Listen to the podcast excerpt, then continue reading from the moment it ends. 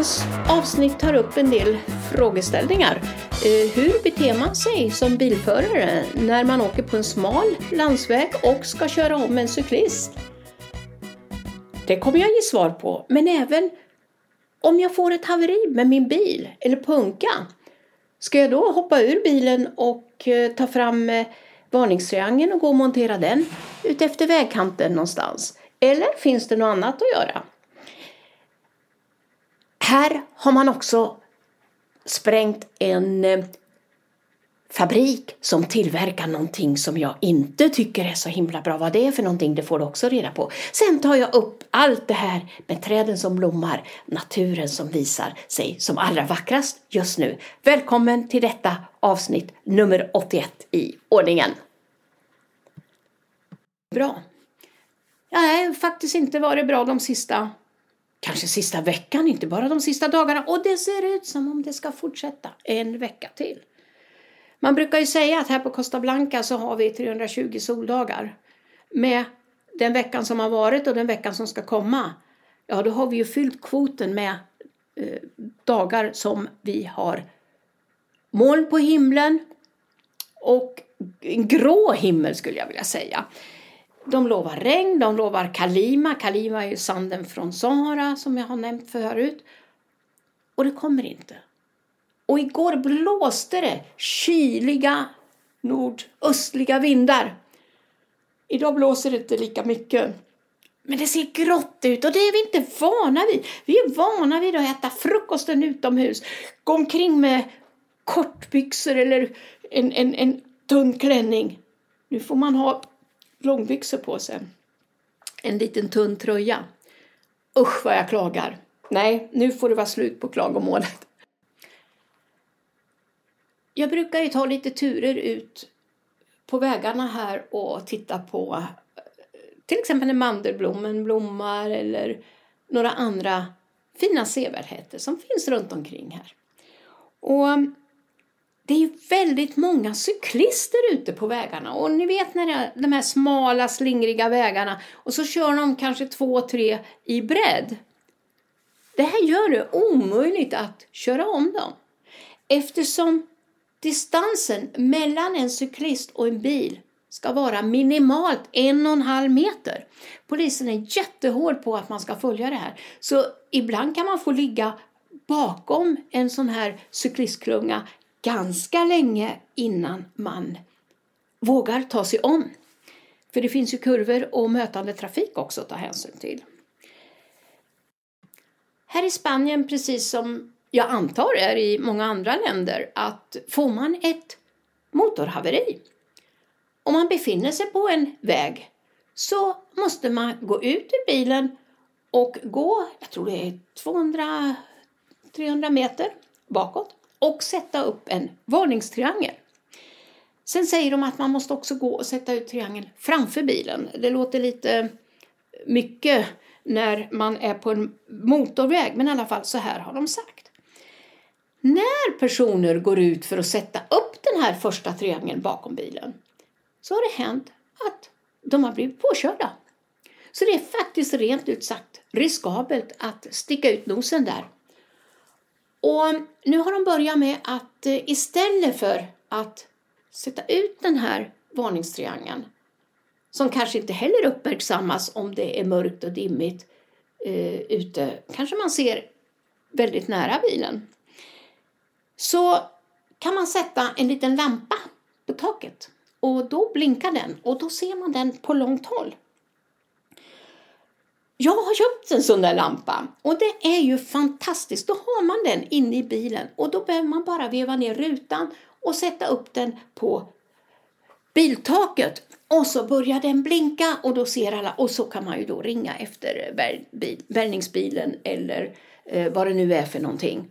Eh, och då slipper man ta den här höga risken att bli påkörd jag tycker den här är jättefiffig faktiskt. Här i Spanien har vi ett helt annat system när man får en bot från polisen. Förseelser, till exempel man har kört lite för fort och så vidare och man får en bot. Så om man betalar den inom en viss tid, jag tror det är 15 dagar faktiskt, så då halveras skulden. Så kostar det mig 100 euro. Betalar jag den snabbt, då betalar jag bara 50 euro. Dessutom när man kör för fort kan man också riskera att man blir av med sina punkter för man har ju ett antal punkter när man har körkort. Och, eh, så de ska man ju vara rädd om för att inte hamna på noll. Det finns en liten ort inte långt ifrån Orihuela Costa där jag bor som heter Almoradi. Jag, brukar, jag har varit där många gånger och känner faktiskt många människor som bor där och det brukar vara trevliga fester. Här förra veckan så gjorde faktiskt polisen ett stort tillslag.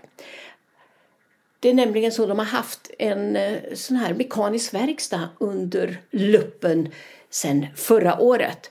För de har sett att eh, det har levererats en mängd eh, konstiga kemikalier till den här eh, verkstaden.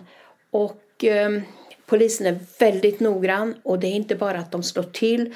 De försöker titta på vad är det för människor, hur hänger de här bitarna ihop. Så det de gjorde, de gjorde tillslaget på flera platser. In i den här fabriken, där tillverkar de ungefär 600 kilo kokain i månaden. Och sen tog de, på platsen tog de förutom det som fanns i tillverkningen just då, så var det vapen, det var lyxbilar, det var en massa olika saker och människor naturligtvis. Totalt tog de tag i 30 stycken människor på olika platser.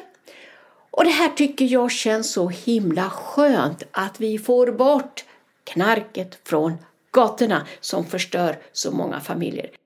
Narkotikan som eh, beslagstog vid det här raiden har ju naturligtvis förstört. Men jag undrar vad händer då med alla de här lyxbilarna och pengarna? De hittar ju nästan en miljon euro på olika platser. Vad händer med dem? Går de till staten? Och försäljningen av de här lyxbilarna? Det vore intressant att veta för jag har ingen aning.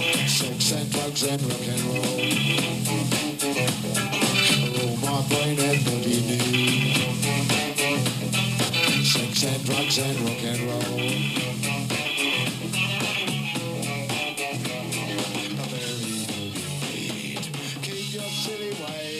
Sex and Drugs and Rock and Rolls, det var med Iron Jury and the Blockheads.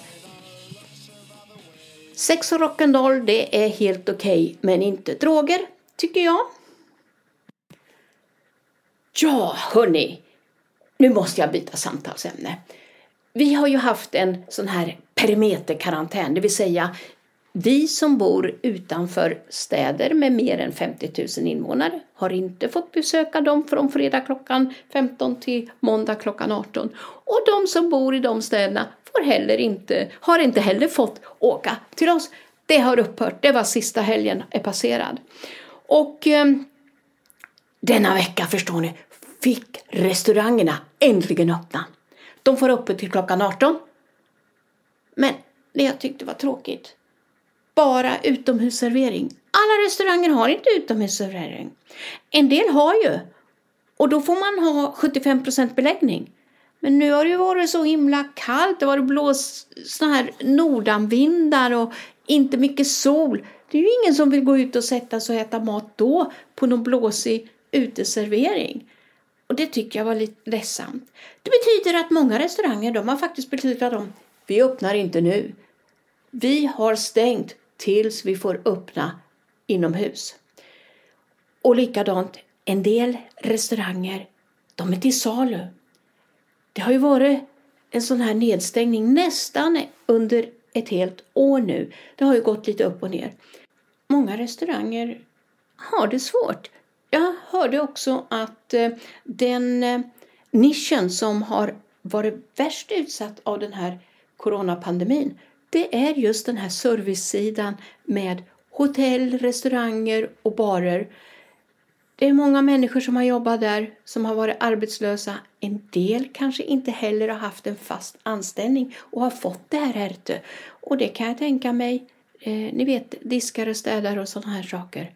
De har gått där på timpenning och har inte haft något skydd under hela tiden. Och det är därför behovet är så stort av mat, mat till familjer. Går du in i en livsmedelsaffär nu så har de såna här pallar med pallkragar där man kan lägga ner matvaror som man köper. Så man går in i affären, man köper en massa och man lägger ner dem där så att det kommer de som har det svårt till godo. Som vi har haft nu under så lång tid att man kan och vill, förstår och ställa upp för dem som inte har det lika bra.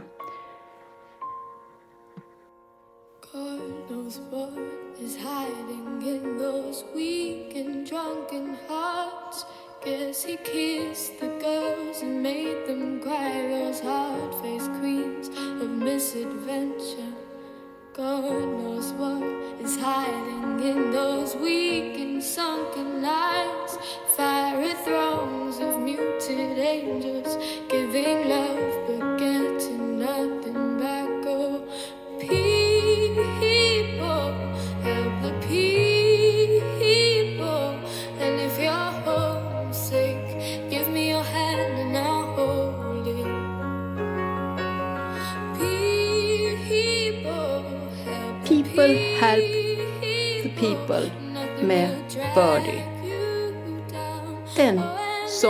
beskriver precis den situationen vi har nu med att hjälpa andra människor.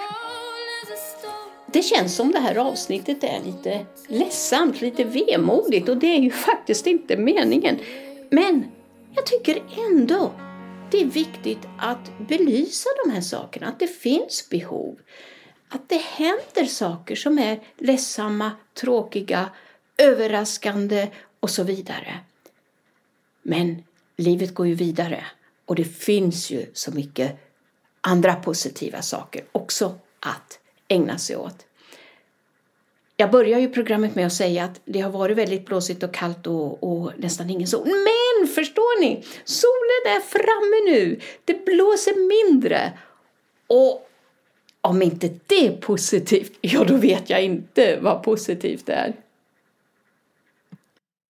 Det andra positiva inslaget som vi har här vid vårtiderna, det är ju först börjar ju jacaranda träden att blomma. Sen brukar eh, mandelträden komma. Därefter är det plommonträden och just nu så är det aprikosträden. Och nu kommer snart citron, apelsin och limeträdens blommor att slå ut. De är jättestora, feta knoppar just nu och de doftar så fantastiskt gott. Sen kan jag väl säga att eh, apelsinträden har inga taggar. Men det har ju citronträden. Och det som är intressant med citronerna, det är det, du har knoppar, du har små citronkart, men du kan också ha färdiga citroner på samma trä. Ja, mitt trä är överfyllt av citroner och nu börjar knopparna stå ut att det här är fantastiskt. Likadant på limeträdet. Där har jag flera limefrukter fortfarande kvar på trädet. Och så kommer de här knopparna. Men så är det inte med apelsinerna. Apelsinerna, då blommar de och sen blir det apelsinkart som växer till stora apelsiner och sen vilar trädet. Men jag funderar just på, precis som vi brukar ha med träd som blommar så här överdådigt, det kan ju inte bli frukt av alltihopa, träden orkar ju inte med det. Och då brukar ju vårvindarna hjälpa till där och blåsa bort en del av de här blommorna. Men även de små eh, apelsinerna, citronerna eller limetfrukterna, de brukar också flyga i där. Så vi får väl se hur det blir i år. Vi hade väldigt få apelsiner förra året, men otroligt mycket citroner. Don't put your faith in love, my boy, my father said to me. I fear you'll find that love is like the lovely lemon tree. Lemon tree, very pretty, and the lemon flower is sweet. But the fruit of the poor lemon is impossible to eat. Lemon tree, very pretty, and the lemon flower is sweet.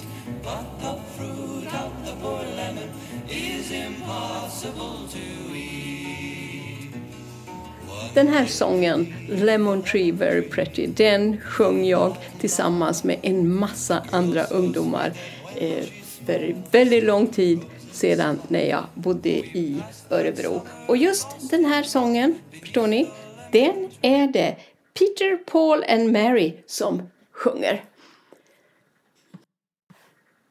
Tack kära lyssnare för att du lyssnade på detta avsnitt och jag hoppas att eh, det var någonting nytt du fick lära dig om Spanien. Och eh, jag ser fram till att vi hörs om ungefär en vecka igen. Ta hand om er allihopa och jag hoppas att vi kommer att vara fyllda av en massa sol, glädje och vårkänslor. För vi är ju faktiskt inne i mars.